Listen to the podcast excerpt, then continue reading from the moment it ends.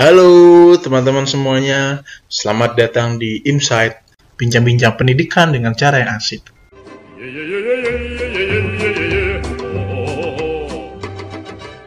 Insight ini merupakan podcast yang dibuat oleh Indonesia Mengajar yang ke depannya bakal ngobrolin tentang pendidikan dengan santai dan asik. Insight ini akan dipandu oleh gua Alif, tapi selain itu karena gua tuh pengen nuansa Insight ini menjadi nuansa bersama dan dimiliki oleh setiap orang. Jadi mungkin di episode-episode berikutnya, gue nggak akan sendiri jadi host. Gue akan ngajak orang lain untuk bergabung juga. Mungkin nanti hostnya dua orang atau tiga orang. Yang penting nuansanya itu jadi nuansa milik bersama. Tentunya gue juga bakal ngundang bintang tamu atau orang yang akan kita ajak ngobrol dan kita tanya-tanya terkait pengalamannya sehingga kita bisa belajar dari dia. Meskipun IMSET ini ngomongin pendidikan, tapi nggak menutup kemungkinan bahwa ke depannya kita bakal ngebahas hal-hal lain tergantung dengan situasi yang sedang populer, hal-hal yang sedang ngetrend, dan sebagainya. Intinya kita bakal bincang-bincang santai lah di IMSET ini. Sebenarnya IMSET itu apa sih?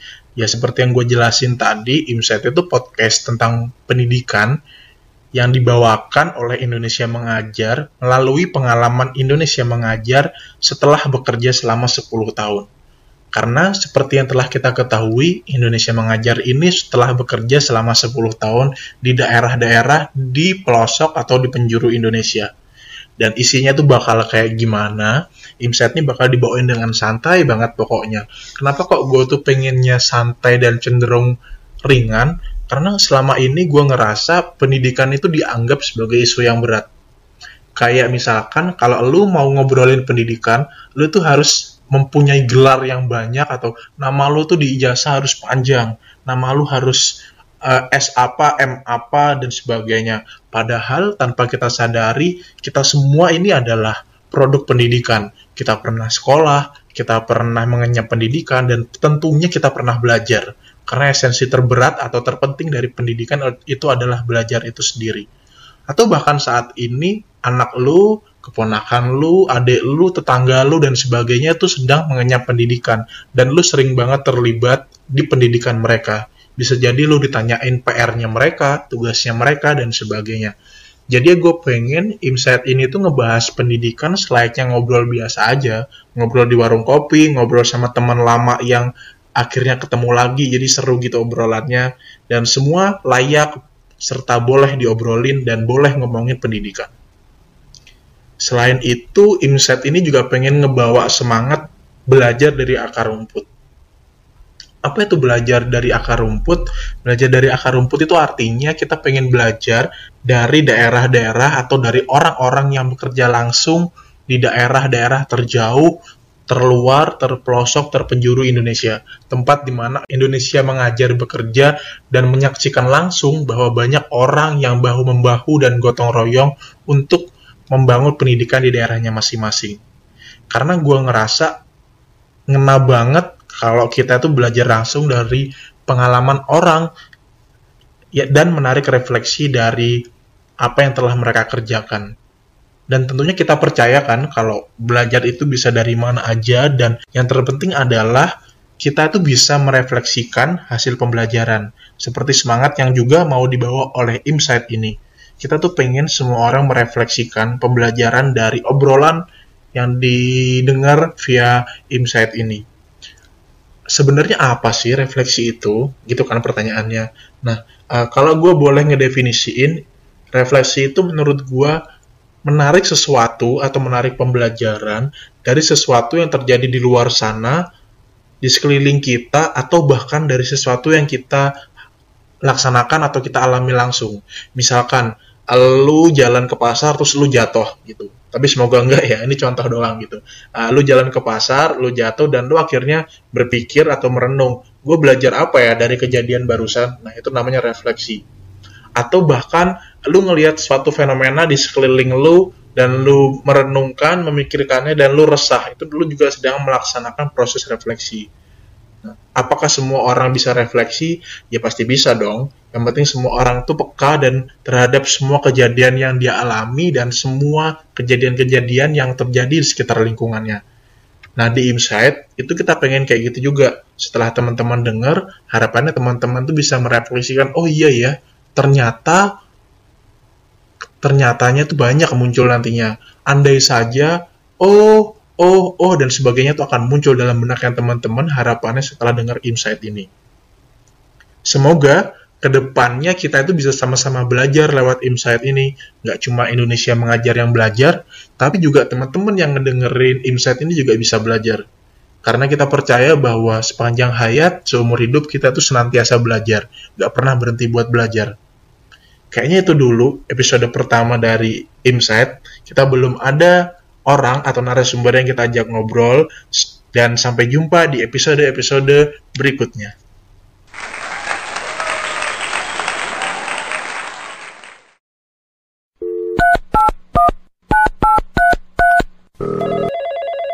Halo teman-teman semuanya, selamat datang di Insight, bincang-bincang pendidikan dengan cara yang asik.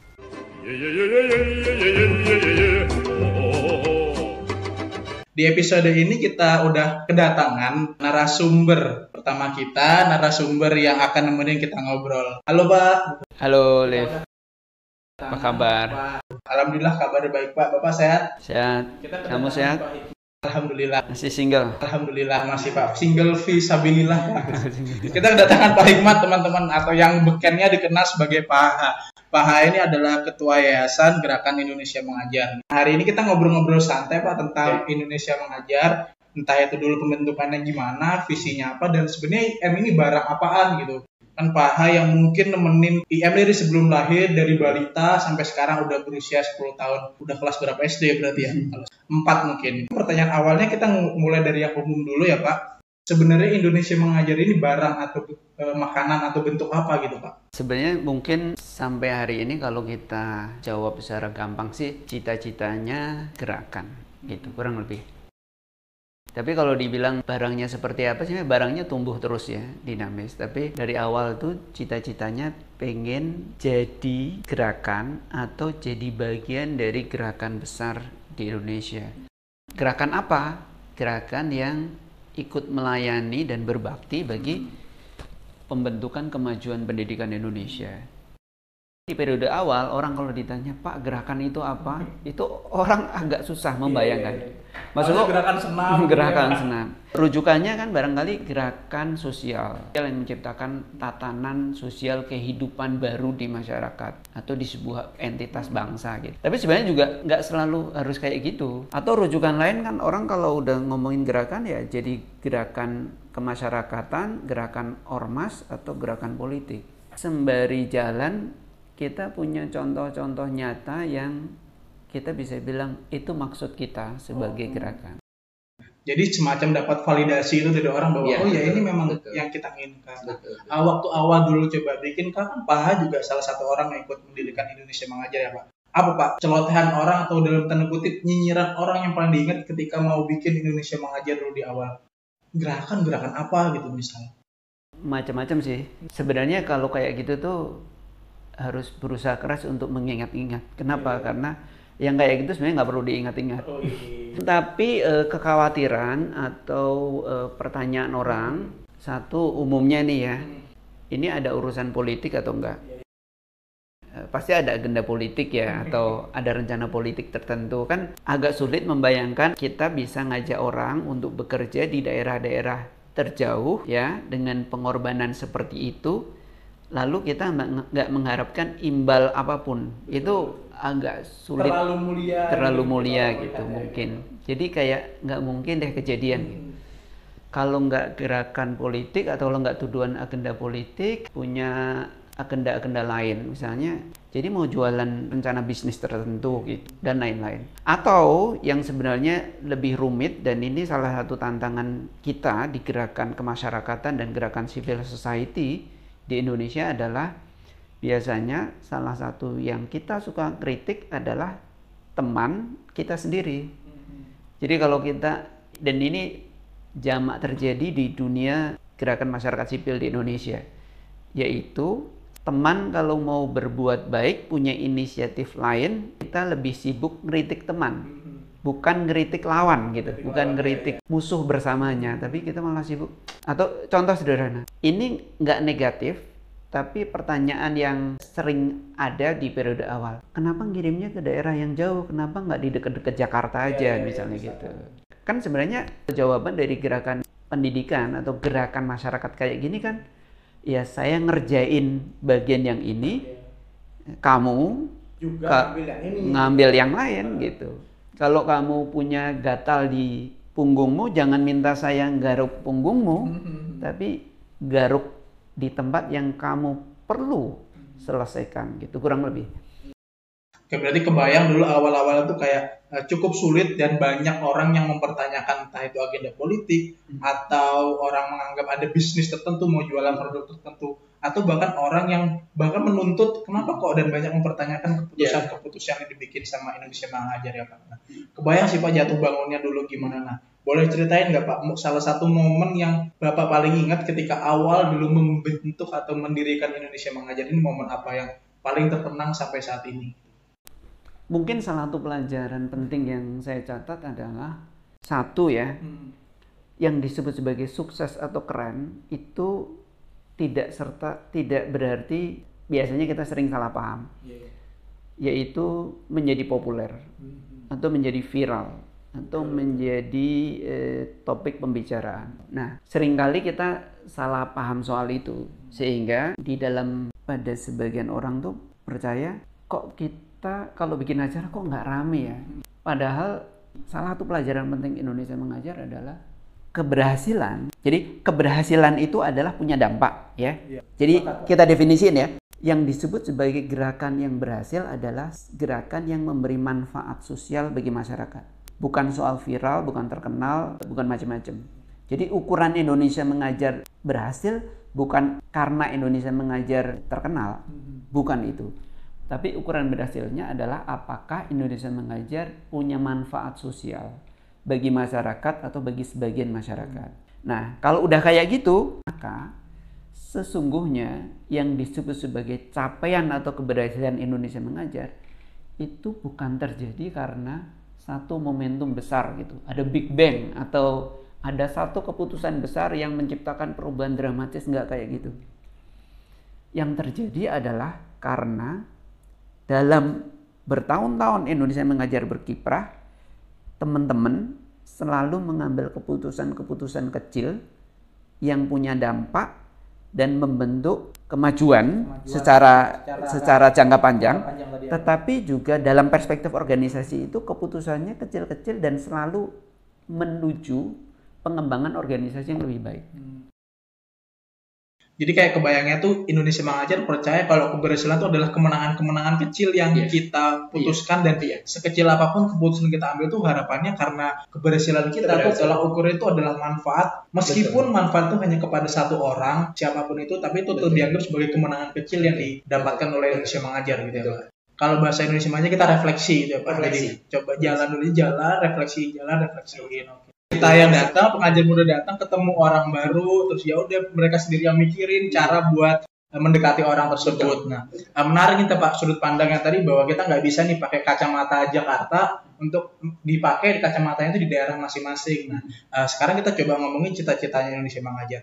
Sebenarnya kondisi ideal yang dibayangkan sama Indonesia Mengajar di pendidikan Indonesia ini seperti apa Pak kalau ngelihat dari tadi sepak terjang dan jerih payah banting tulangnya Indonesia Mengajar di awal pembentukannya gitu. Kalau dalam perspektif organisasi kurang lebih kayak gini, Lev. Kita waktu itu kan rujukan soal gerakan inovatif kan nggak cukup banyak. Jadi situasinya itu kayak belum eh, praktis rujukan tentang menciptakan inovasi dobrakan itu nggak cukup banyak rujukannya. Sehingga kalau kita buka pendekatan-pendekatan yang ada ya jadi pendekatan konvensional terus. Nah yang kita bisa lakukan kan kurang lebih inovasi yang berlanjut itu ketemu karena kita memandang cita-cita, cita-citanya jauh ke depan tuh kita pandang lalu kita jalan terus aja. Dan setiap kita jalan kita selalu bertanya ini bener nggak? Hmm. Dan nggak perlu kita setia pada cara-cara lama. Ngirim guru itu baiknya setahun apa dua tahun. Eh, satu orang di satu SD atau satu kelompok di satu SD. Kalau besaran orang dikirim ke satu kabupaten itu baiknya enam orang apa 10 orang. itu kan nggak ada rujukannya waktu itu. Jadi waktu itu ya udahlah kita coba aja lalu diperbaikin terus menerus.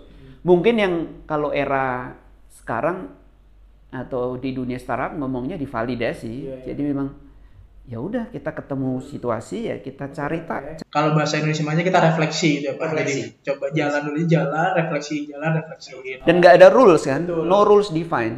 Makanya teman-teman pengajar muda itu sering kali separuhnya kalau dalam bahasa negatifnya separuhnya frustasi karena apa? Karena kalau udah ketemu trustee atau coach atau fasilitator kan coach sama fasilitator bilangnya eh, ya menurut kamu gimana kan gitu kurang lebih. Selalu dikembalikan. Selalu dikembaliin lu.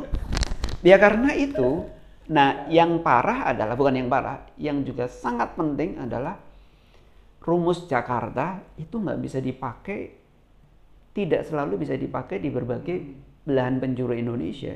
Jadi kata-kata indah kita di Jakarta itu mungkin nggak sungguh-sungguh sungguh-sungguh bisa implementable di daerah. Sehingga ya benar-benar Iya, iya. Terserah lo di daerah gitu. kita yang datang, pengajar muda datang, ketemu orang baru, terus ya udah mereka sendiri yang mikirin cara buat eh, mendekati orang tersebut. Nah, eh, menarik nih Pak sudut pandangnya tadi bahwa kita nggak bisa nih pakai kacamata Jakarta untuk dipakai di kacamatanya itu di daerah masing-masing. Nah, eh, sekarang kita coba ngomongin cita-citanya Indonesia Mengajar. Sebenarnya kondisi ideal yang dibayangkan sama Indonesia Mengajar di pendidikan Indonesia ini seperti apa Pak kalau ngelihat dari tadi sepak terjang dan jerih payah banting tulangnya Indonesia Mengajar di awal pembentukannya. Sebenarnya eh, contoh bagaimana gerakan masyarakat itu tumbuh dan berkembang itu kan banyak sekali di Indonesia. Yang sering disebut itu adalah gerakan kemerdekaan. Gerakan kemerdekaan itu kan tumbuh dari kesadaran tahun 08, kemudian tumbuh eh, Sumpah Pemuda, teman-teman berorganisasi terus-menerus sampai terbentuk eh, gerakan di tahun 45. Hmm, tapi kan kita sebenarnya punya banyak contoh loh. Kalau teman-teman cermati, itu eh, inisiatif masyarakat yang tanpa nama, tanpa organisasi untuk menyelesaikan masalah-masalah di di wilayahnya sendiri itu banyak sekali, banyak sekali. Eh, iuran beras untuk bayar siskamling, contoh. Jimpitan gitu Pak. Jimpitan kalau di tempat saya, jimpitan. Atau bahkan ya gerakan-gerakan sosial eh, sekolah itu banyak sekali. Tumbuhnya PAUD, tumbuhnya TK-TK, TK-TK kecil di eh, desa-desa itu juga juga karena gerakan gerakan masyarakat aja kan itu. Nggak ada ormas yang bikin. Sebagian ada yang punya partisipasi Nggak ada uluran tangan. nggak ada uluran tangan. Dan kalau kita lihat eh, sejarah Indonesia ke belakang, tahun 45 itu satu momentum besar. Tapi kan lahir fundamennya itu kan ketika kita mulai melangkah dengan melakukan pendidikan buat eh, anak-anak bangsa. Yang kata orang momentumnya salah satunya di 08 kan. Budi Utomo. Budi Utomo sebagai salah satu tonggaknya. Tapi kan backgroundnya waktu itu ada politik eh, etis di Belanda, eh, lalu eh, di Indonesia responnya adalah tumbuh eh, membentuk eh, organisasi eh, dan salah satu bentuk organisasi itu adalah melakukan pendidikan. Dan kemudian salah satu gerakan terpenting yang meluas waktu itu kan ya pembinaan dan pendidikan Iya. di banyak di banyak tempat Banyak di banyak sebagian menyebut or- dirinya ormas Syarikat Islam, Syarikat Dagang Islam, Budi Utomo, macam-macam. Tapi yang lain kan juga banyak sekali yang Yang tidak terdokumentasi. yang tidak dokumentasikan atau tidak mengumpul sebagai eh, kelompok-kelompok eh, ormas besar itu. Atau katakanlah ormas ada kantornya, tapi aktivitas pendidikannya kan jauh lebih besar daripada itu. Dan itu kemudian mewujud sampai hari ini tonggak-tonggaknya kalau teman-teman cermati kan banyak sekali organisasi pendidikan besar yang kita bisa sebut misalnya NU, Muhammadiyah, organisasi-organisasi besar yang umur baktinya pada pendidikan itu lebih panjang dari umur Republik, Republik. lahir 45 gitu, kurang lebih. Eh, dan kalau dihitung-hitung, apakah mereka punya motif-motif lain? Jadi nggak sungguh-sungguh penting. Mhm. Kebayang kan? Iya, iya. Jadi nggak sungguh-sungguh penting karena kalau kita udah ngomongin anak-anak dan ngomongin anak-anak itu suatu eh, hari ini jadi warga dan suatu hari nanti jadi warga negara Indonesia dewasa, ya jadi nggak penting lagi kita ngomong emang lo ada motif politik Mhm. atau motif-motif lain nggak penting. Nggak penting karena kamu terbukti atau kita memang sungguh-sungguh fokus atau mereka itu fokus pada membentuk manfaat sosial.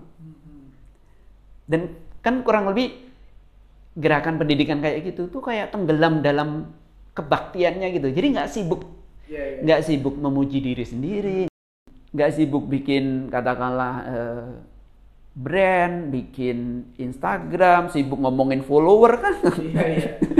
Karena percaya dengan suatu hal yang dicita-citakan Iya. tadi dalam konteks Indonesia Pengajar percaya ya kita manfaat dulu aja buat anak-anak Iya, di Indonesia gitu. Nah, kalau Pak Hikmat bayangin sebenarnya kita mengharapkan anak-anak Indonesia yang disasar oleh Indonesia Mengajar dalam tanda kutip ini pengen seperti apa meskipun kita kan nggak terjun langsung ke anak-anaknya, tapi kita mempengaruhi lingkungannya. Nah, tapi anak-anaknya ini pengen dilihat sebagai anak-anak yang seperti apa nantinya gitu Pak.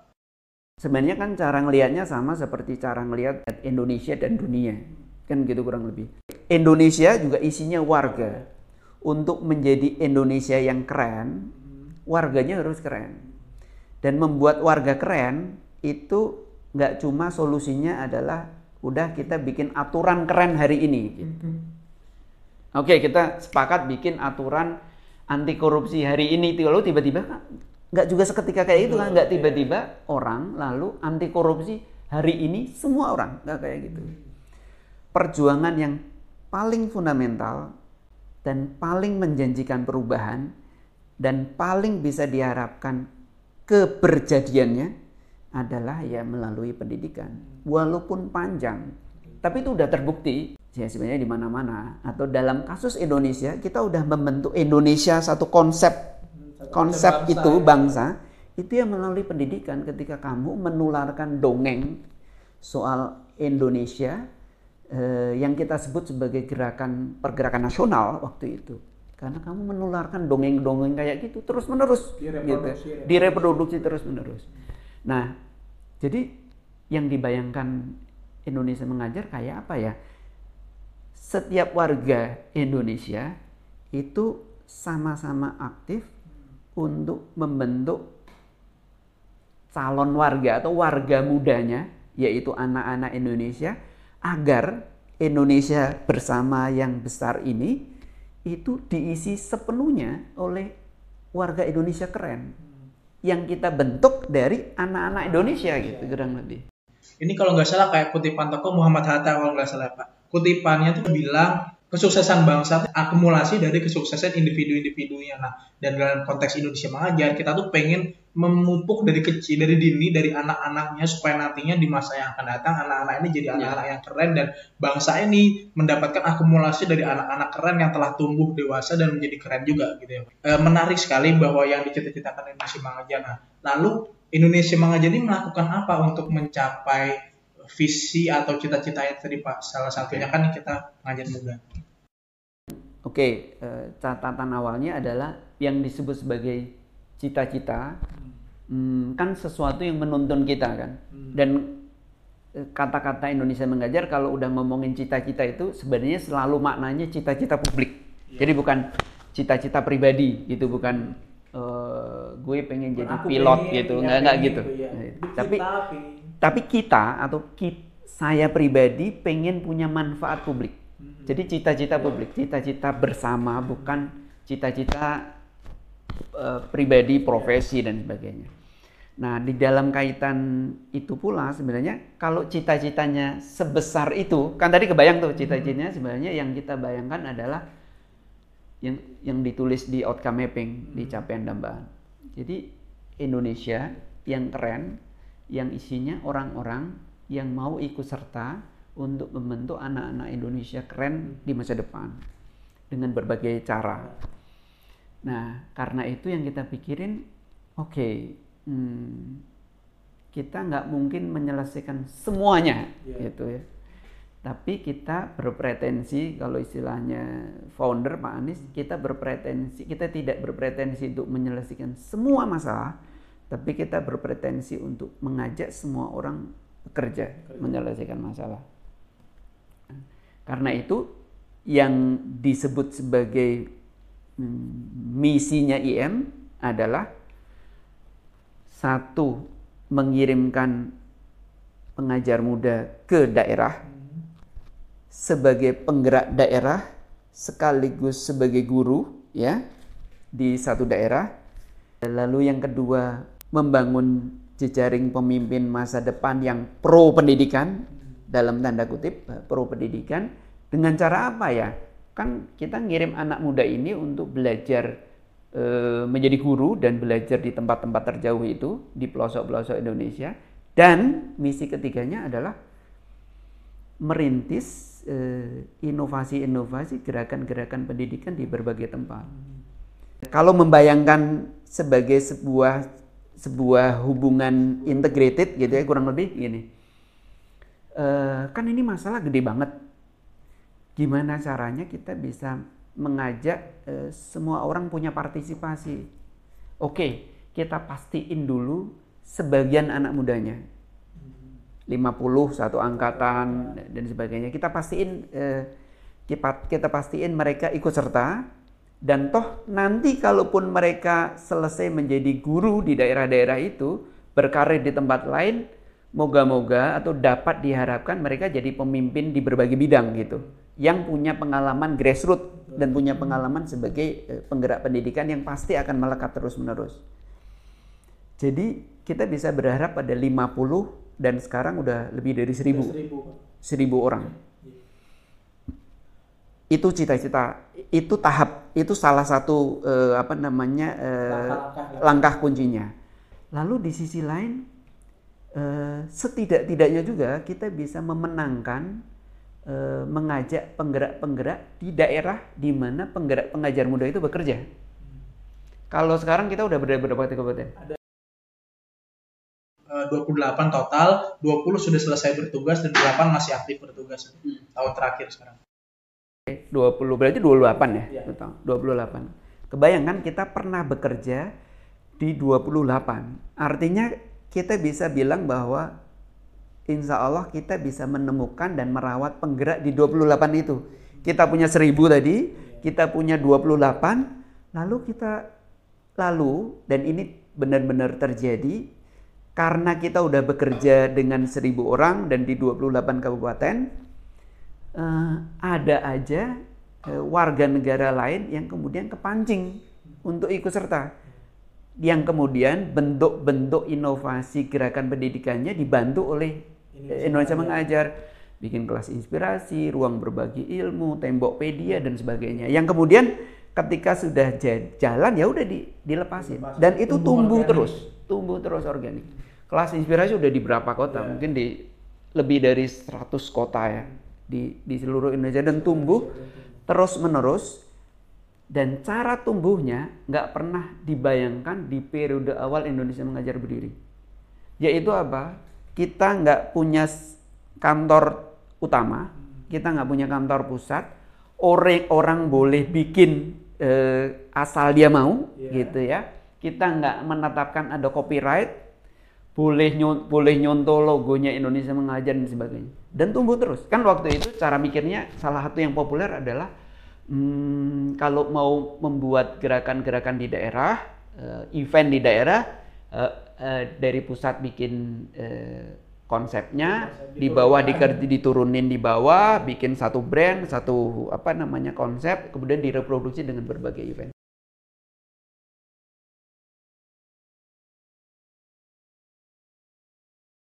dan Indonesia mengajar ketika itu karena sadar diri gak bisa nyelesain semua masalah cuma nggak secara sadar ngambil bagian ngirimkan anak-anak muda yang tadi untuk ke daerah ke beberapa daerah dan mengharapkan anak muda ini mempengaruhi atau bikin orang-orang di daerah itu juga ikut bergerak gitu. Nah tapi nyatanya yang dilihat itu hasilnya tuh lebih dari itu ya pak. Tumbuh kelas inspirasi tumbuh tembokpedia ruang berbagi ilmu dan ya udah akhirnya jalan sendiri tumbuh organik sesuatu yang tidak pernah terbayangkan sebelumnya. Hmm gitu ya. Yeah. Jadi penasaran Pak, kan sudah 10 tahun ya Pak Indonesia mengajar. Pernah ngerasa capek nggak Pak menjalani Indonesia mengajar? Sebenarnya hmm, ini mungkin bisa dilihat atau bisa ditanyain juga ke teman-teman relawan dan penggerak ya. E, kalau kita kita melakukan ini e, atas alasan yang kamu yakini sendiri, maka ketika kamu selesai melakukannya eh, kamu kamu kamu mendapatkan penghargaan dari dirimu sendiri. Kalau orang bilang kamu merasa bahagia gitu. Jadi eh, Indonesia Mengajar sampai hari ini itu bagian dari kegiatan eh, sosial saya dan saya yakin juga banyak teman-teman lain melakukan kegiatan ini secara sukarela untuk eh, berpartisipasi di dalamnya dan karena kita melakukan ini secara sadar dan sungguh-sungguh kita yakini sendiri jadi ikut Indonesia mengajar itu bagian dari eh, mendapatkan kebahagiaan pribadi. Fulfillness gitu Pak, kayak merasa mengisi ruang-ruang yang kosong, ruang-ruang kebahagiaan yang belum bisa didapatkan dari tempat lain, dicarinya di Indonesia mengajar. Hmm, nggak kayak gitu sih, Lip.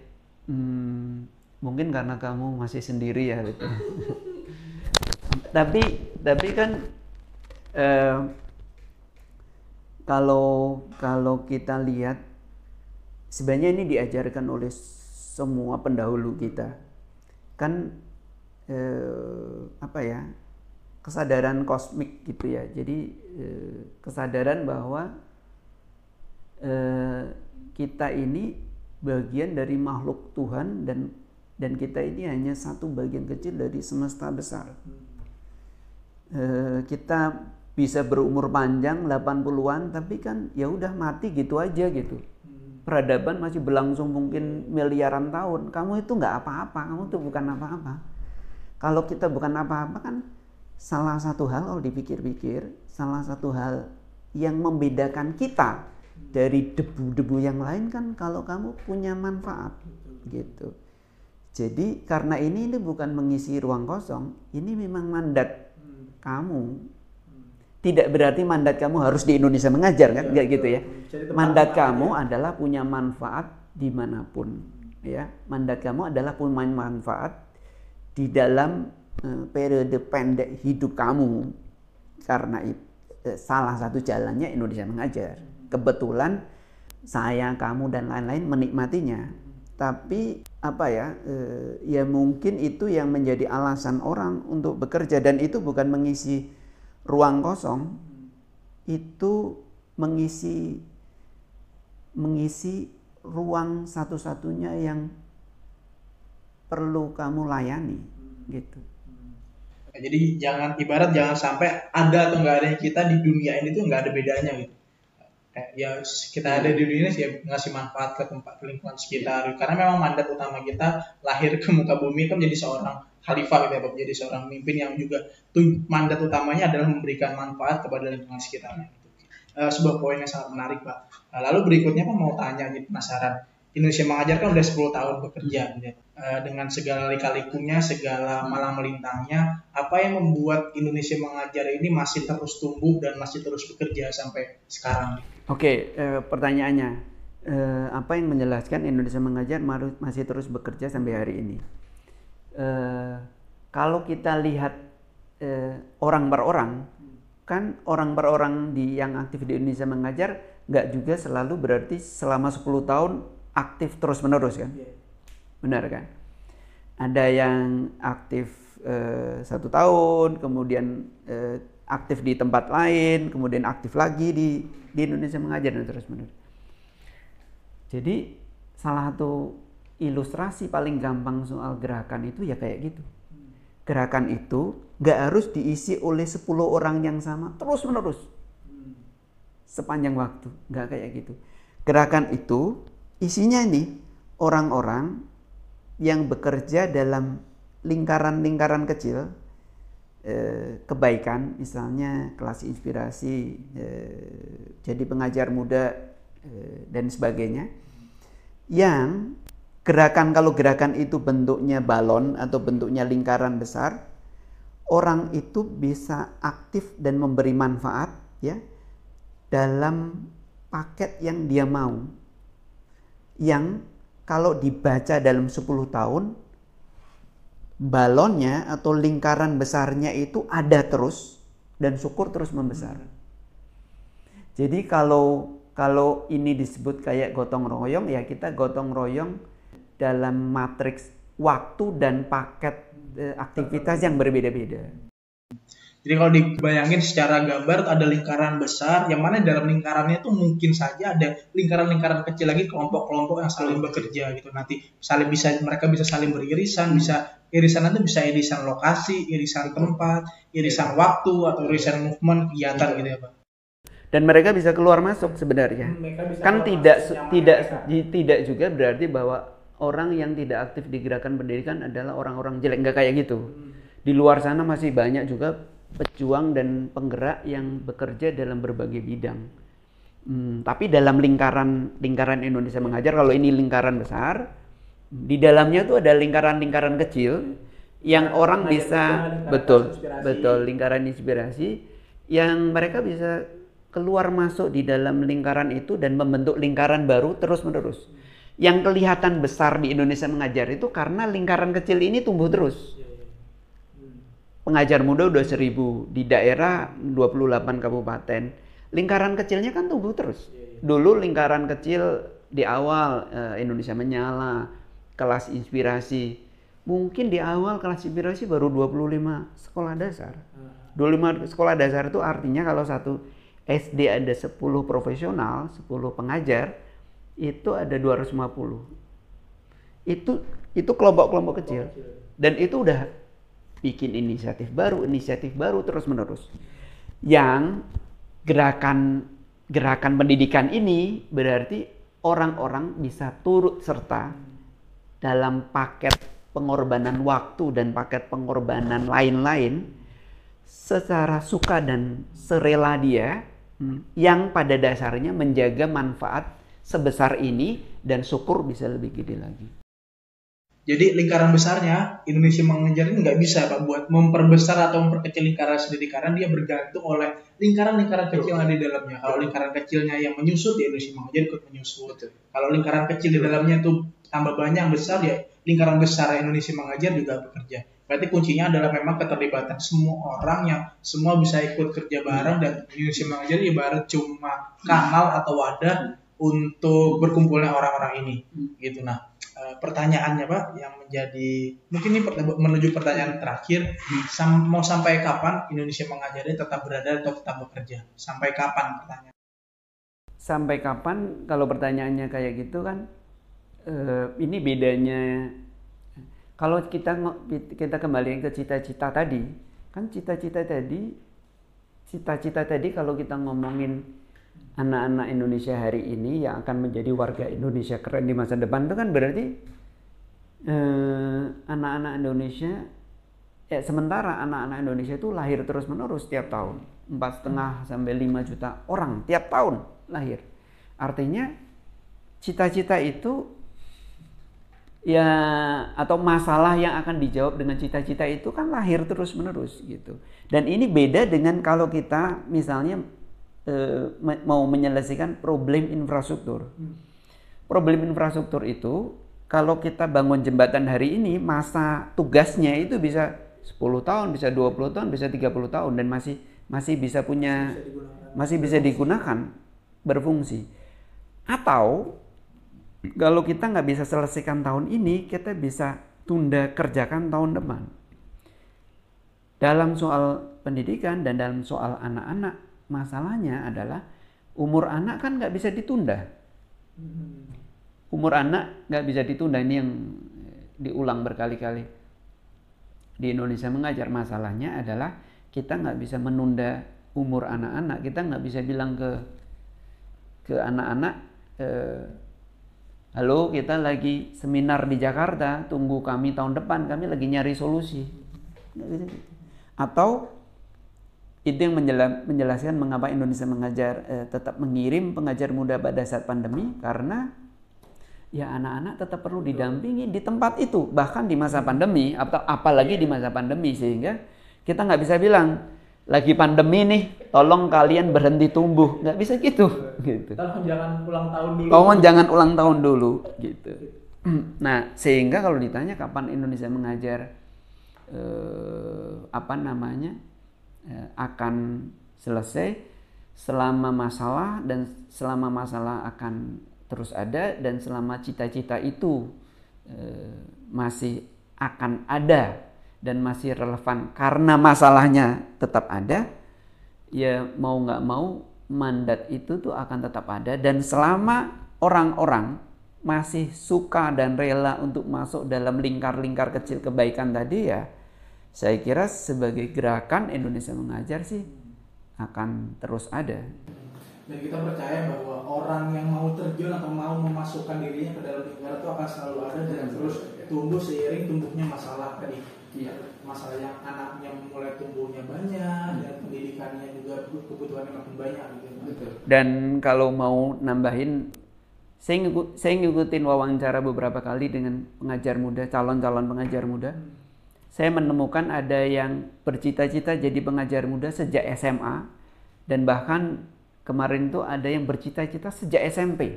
Jadi bayangin, SMP dia udah punya cita-cita suatu hari nanti saya kalau lulus mau jadi pengajar muda gitu. Menurut saya kenapa ya orang atau penjelasan paling gampang kenapa orang mau tertular untuk ikut serta. Kalau di di teman-teman di kantor Indonesia mengajar kan tertular semangatnya. Salah satunya kalau kita lihat guru-guru sama penggerak daerah kan. Mereka bertahun-tahun jadi penggerak daerah dengan semua rasa mulas di perutnya aja. Bisa. bisa gitu. Dan mereka suka dan rela melakukan itu. Gitu. Masa kita nggak? Gitu. Dan sebagainya.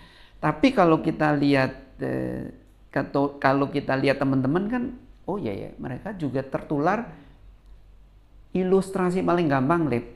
Kalau kamu lihat orang kerja bakti di daerah. Atau kalau kita lihat mungkin bisa bisa bisa kasih contoh juga di kantor-kantor. Kalau di daerah itu kerja bakti nih di kampung saya lah bukan di daerah di kampung saya. Pak RT sesepuh-sesepuh udah datang nih eh, udah muncul. Lalu Pak RT udah angkat pacul dia nggak perlu perintah. Yang lain Yang lain angkat pacul gitu. Nah di kantor kita kalau bos sudah angkat kursi di ruang pertemuan mau ikut merapikan atau dia udah ambil sampah nih ya sampah bertebaran dia ambil dia ditaruh ke apa tempat-tempat sampah yang lain juga ikutan. Dan menurut saya itu menurut saya itu penjelasan mengapa orang orang tertular bukan karena nasihat karena dia ngelihat yang lain dan kalau ngelihat yang lain itu mau melakukan yang kayak gitu pada dasarnya orang juga punya rasa iri hati untuk berbuat hal yang sama. Nah kebetulan iri hatinya berbuat kebaikan. Itu sama kayak value yang saya pegang. Jadi saya tuh percaya bahwa satu teladan itu bahkan lebih baik daripada seribu perintah atau seribu nasihat itu kayak ya malu sendiri kalau nggak ngelakuin melihat orang melakukan sesuatu Ya. itu ada orang melihat kebaikan kok kita padahal kita itu bisa tapi kok kita belum tergerak? Nah mungkin momen itulah yang membuat kita akhirnya tergerak kita tersentuh dan untuk melakukan kegiatan yang serupa yang sama itu dan itu juga yang dipercaya sama Indonesia mengajar kerja aja dulu jalan aja dulu. Harapannya ini makin besar makin besar dan banyak orang yang mau ikut. Dan kita nggak ngomong harapannya makin besar. Yang penting punya manfaat kan. yang punya punya Menjadi besar atau menjadi populer itu bukan cita-cita. Cita-citanya punya manfaat. Ya bahwa Indonesia mengajar terkenal dan jadi besar itu sebenarnya hadiah lain. Tapi tugas kamu atau tugas kita semua adalah ya yang penting kita bekerja untuk membentuk manfaat. Hadiahnya yang lain gitu. bonus Bonus termasuk dapat jodoh itu bonus. dapat jodoh PR. Eh, Itu bonus. Oke, eh, nah terakhir nih Pak, ada pesan nggak Pak yang mau disampaikan untuk orang eh, teman-teman yang mungkin dengerin podcast ini, khususnya untuk teman-teman yang saat ini sudah bekerja bersama Indonesia Mengajar atau bahkan belum bekerja sama dengan Indonesia Mengajar, atau mungkin baru pertama kali tahu Indonesia Mengajar. Apa ya? Sebenarnya nggak ada pesan sih. Eh, tapi saya percaya bahwa tiap orang itu eh, ditiupkan doa-doa bagus eh, pada saat dia dikandung ibunya eh, dan dan juga eh, lahir dan besar sampai hari ini khususnya di masa-masa kecil dan doa-doa itu eh, dan juga darah yang mengalir di diri kita itu kan keturunan orang-orang baik gitu ya. Yang percaya hal-hal baik itu layak diperjuangkan. Jadi nggak ada pesan, cuma saya percaya Anda semua, kita semua itu punya hal-hal baik yang kamu percaya, yang kamu yakini perlu kamu lakukan di dalam hati kamu dan di dalam diri kamu. Yang sering kali itu membuat kita bahagia atau gelisah. Ya, dalam banyak bentuk. Nah, menurut saya sih kita bisa selalu menemukan apa yang sesungguhnya menjadi mandat tugas kamu di diri kamu e, kalau kita mau mendengarkan diri kita dan ya yang perlu kita lakukan hanya mengikuti mandat mandat hidup kita itu. Bahwa mungkin sebagian di antaranya ikut Indonesia mengajar itu hanya salah satunya. Tapi mandat hidup untuk punya manfaat bagi sesama pasti ada di diri kamu dan di diri kita semua. Uh, terlepas bertemu atau tidak di persimpangan jalan, yang penting kita tetap jalan ngikutin yeah. mandat untuk melakukan kebaikan gitu ya Pak. Oke. Nah itu tadi sekaligus nutup obrolan kita siang hari ini Pak. Terima kasih banyak atas waktunya. Terima kasih. Terima kasih banyak. Kita semoga uh, obrolan ini bisa berlanjut terus dan bisa memberikan mungkin ada setitik atau sedikit pembelajaran yang bisa dipetik dari obrolan ini. Semoga kita sama-sama bisa mewujudkan cita-cita Indonesia mengajar untuk ya memberikan manfaat sedikit aja gitu. Nah, buat teman-teman makasih juga yang udah dengerin dan sampai jumpa di episode berikutnya. Dadah. Makasih, makasih semua. Makasih semuanya.